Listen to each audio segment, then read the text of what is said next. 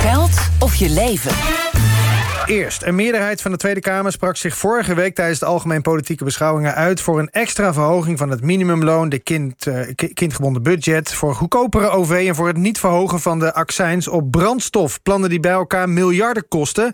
En een deel daarvan moet opgehaald worden met een belasting op de inkoop van eigen aandelen door bedrijven, vindt de Kamer. Jesse Klaver van GroenLinks zei er dit over. Het gaat over het inkopen van eigen aandelen.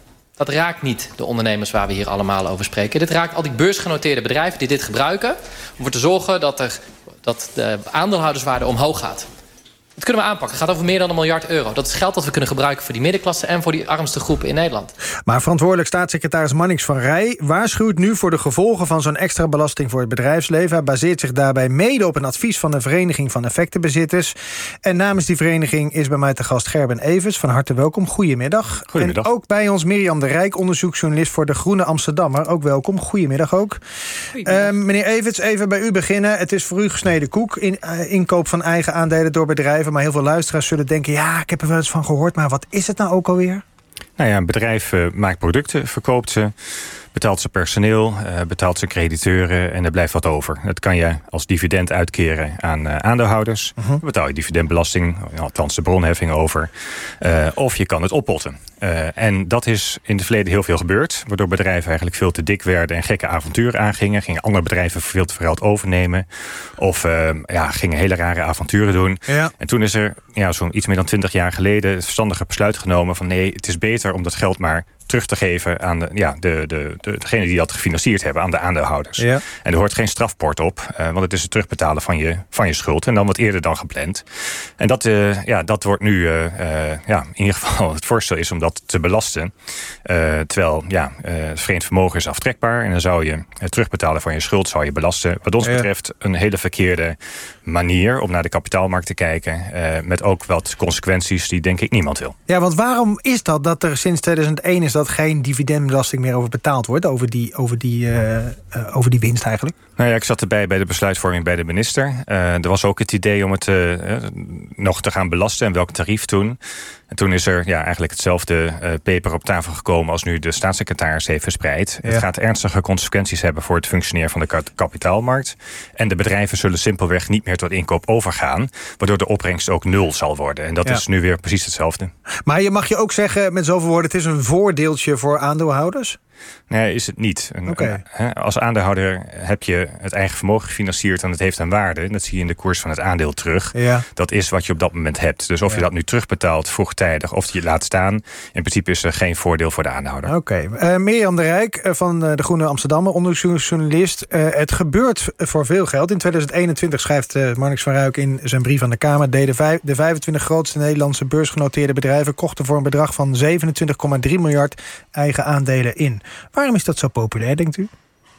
Ja, toch heel simpel. Omdat je er inderdaad geen belasting over betaalt. Terwijl als aandeelhouders geld krijgen van het bedrijf uh, via dividend... dan betaal je daar 15% over. Uh, maar als ze zeg maar rijker worden door die aandeelhouders... Uh, door het uh, inkopen van eigen aandelen dan betaal je geen belasting. Het is altijd heel grappig om uh, op sites van uh, voor beleggers te kijken in dit verband.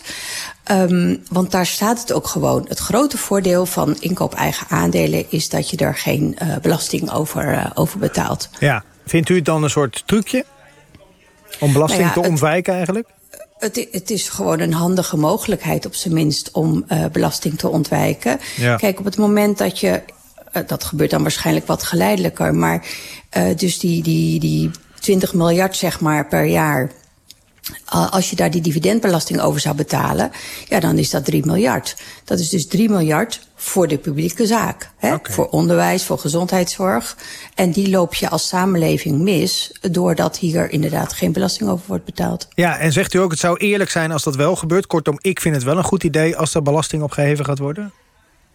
Ja, het zou zeker eerlijk zijn. Kijk, die 15% is eigenlijk nog best laag. Hè? Als je, dat, zijn dus, dat is de belasting die je betaalt op het moment dat je geld verdient met het kapitaal dat je ja. hebt. Uh, het gaat natuurlijk heel vaak over ongelijkheid in Nederland. Uh, nou, een van die ongelijkheden is dat als je uh, werkt voor je geld dan betaal je minstens uh, 37% belasting. uh, als je meer verdient, zelfs meer. Maar als je dus geld verdient met je kapitaal, dan betaal je maar 15% en dus zelfs nul op het moment dat jouw aandeelhouderswaarde, want dat is wat het doet, ja. stijgt door de aankoop van uh, eigen aandelen. Ja, want dat wat er gebeurt. Als een bedrijf eigen aandelen gaat inkopen, dan stijgt vaak de waarde van het aandeel. En heb je dus een voordeel, zegt mevrouw de Rijk, Gerbe Everts. Dat argument van als je werkt voor je geld betaal je inkomstenbelasting en op deze manier niet. Wat, wat, wat zegt u daarvan?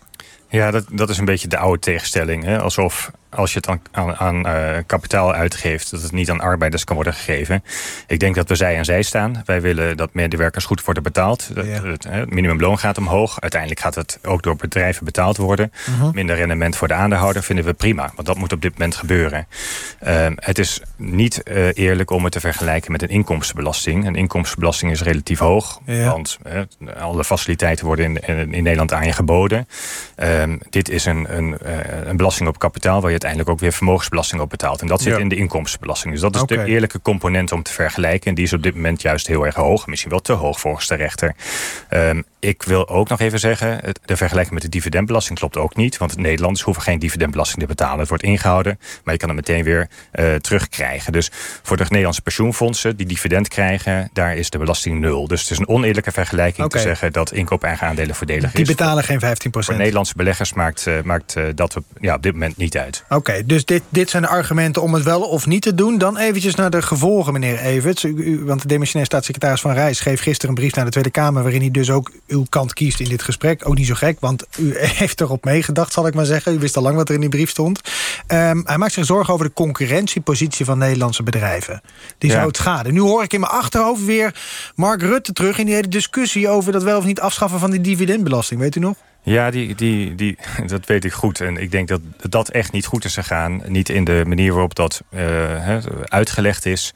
En de uitkomst is ook niet heel gelukkig... Uh, met bedrijven die toch uiteindelijk naar het ja. buitenland zijn vertrokken. Dat ja, niet helemaal terecht naar mijn idee, maar dat is wel gebeurd. Bedrijven zijn niet meer zo lokaal gebonden. En die kunnen heel makkelijk zeggen van... oké, okay, als het makkelijker zaken doen is in, in uh, het Verenigd Koninkrijk... of op Bermuda, af, komende vrijdag gaat Egon daar naartoe... Ja. dan doen we dat gewoon. En voor de rest blijft alles hetzelfde. En nou goed... Uh, het dreigen met vertrek is nooit een goede, doen wij ook niet. Waar ik heel erg voor waarschuw is dat er een oneerlijke vergelijking wordt gemaakt. Destijds was de minister van Financiën en ook de Tweede Kamer niet gek in 2001. Mm -hmm. Die hebben Mhm. gezegd, je mag het enkel belastingvrij doen... als je heel bestendig je dividendbeleid in stand houdt... en daar gewoon de belasting over betaalt... die voor een deel blijft hangen bij buitenlandse aandeelhouders... zoals daaruit, uh, daar naartoe wordt betaald. Ja. En dat is een eis. En pas daarboven mag je, uh, als je dat hebt gedaan... dan mag je het vrij van belasting inkopen. Wat er gaat gebeuren als je dit voorstel doortrekt... als je het uitvoert... Er is een meerderheid voor, dus. Ja, dan is de opbrengst nul. Want een bedrijf gaat niet 15% belasting betalen... terwijl je dat in het buitenland gratis kan doen... of terwijl je dat dan dividend uh, veel goedkoper kan doen. En dan blijft er 1 of 2% plakken. Dus de opbrengst is nul. En dat vind ik juist het beschamende. De overheid is op zoek naar het terugwinnen van vertrouwen van de burger. Ja. En ik denk dat dit nou precies zo'n voorstel is... dat je je rijk rekent. Hier komt 1,2 miljard. Wat je weer niet waar gaat maken. Je doet weer beloftes dat je als overheid een goed huisvaarder bent. Terwijl dit gaat gewoon niks opleveren. Ja, want het zou volgens die partijen die hier achter, deze, uh, achter dit voorstel staan... 1,2 miljard euro opleveren. U zegt dat gaat niet gebeuren. Want uh, nu kopen die bedrijven nog voor tientallen miljarden per jaar eigen aandelen in. Als dit belasting... Uh, uh, op geheven gaat worden, gaan ze dat gewoon niet meer doen. Gaan ze iets anders bedenken? Ja, dan gaan ze twee dingen doen. Of ze zeggen, we, doen het, we gaan uh, ons kapitaal via hele ingewikkelde constructies en statuten toch terugbetalen. Dus uiterst gekunsteld. De Zuidas wordt ontzettend rijk. De juristen daar, die adviseren. Maar dat is niet hoe je met Nederland, hoe wij willen dat je met, met aandeelhouders omgaat. Maar goed, dat zal gaan gebeuren. Men vertrekt naar het buitenland. Of, en dat zal ook gebeuren, bedrijven zeggen, oké, okay, we, we keren niet uit, we potten het op. En dan gaan we kijken eens even welke bedrijven we kunnen overnemen. Ja. Of we gaan, als je Shell bent, hè, je zou in Nederland uh, nog belasting betalen... zou je zeggen, we gaan maar wat extra boren. Dat is nou juist iets wat we in deze samenleving ja. niet willen. Keer het uit aan de aandeelhouders. En die kunnen ervoor kiezen om dat in nieuwe bedrijven te steken... die in het terrein van duurzaamheid of andere zaken ja. het wel kunnen. Dat, dat is dus hoe die kapitaalbouw moet functioneren. Hoe groot is die kans dat bedrijven vertrekken naar buitenland als dit doorgaat? Het gebeurt al en het zal doorgaan. Uh, mevrouw de Rijk, het is A, geen goed idee omdat bedrijven zullen vertrekken. Moeten we niet willen. En B, het is geen goed idee, want uh, bedrijven gaan wat anders bedenken... Uh, om aandeelhouders tevreden te houden. En er is helemaal geen geld om belasting op te heffen, zal ik maar zeggen. Dat eigen aandelen inkopen is dan voorbij en er is er ook geen geld over te heffen. Nou, de verwachting is inderdaad dat ze dan voortaan meer dividend uit zullen keren, waarover ze dus netjes belasting betalen. De opbrengst uh, voor deze motie, uh, daarbij is men uitgegaan van de berekening van het Centraal Planbureau. Die kijkt ook altijd heel erg naar de ja, totaaleffecten daarvan. Dus daar kun je in dit geval uh, heus wel uh, op afgaan. En wat is dat? Welke bedrag is dat? Uh, dat is uh, 800 miljoen. Die totale motie was 1,2. Ja. Maar er werd ook nog geld elders uh, vandaan gehaald. Dus 800 miljoen zou dit op moeten leveren. En dat is waarschijnlijk omdat ze dus inderdaad minder eigen aandelen gaan opkopen. Dat is overigens heel gunstig hè, voor de kleine beleggers. Uh, waar meneer Evers voor opkomt.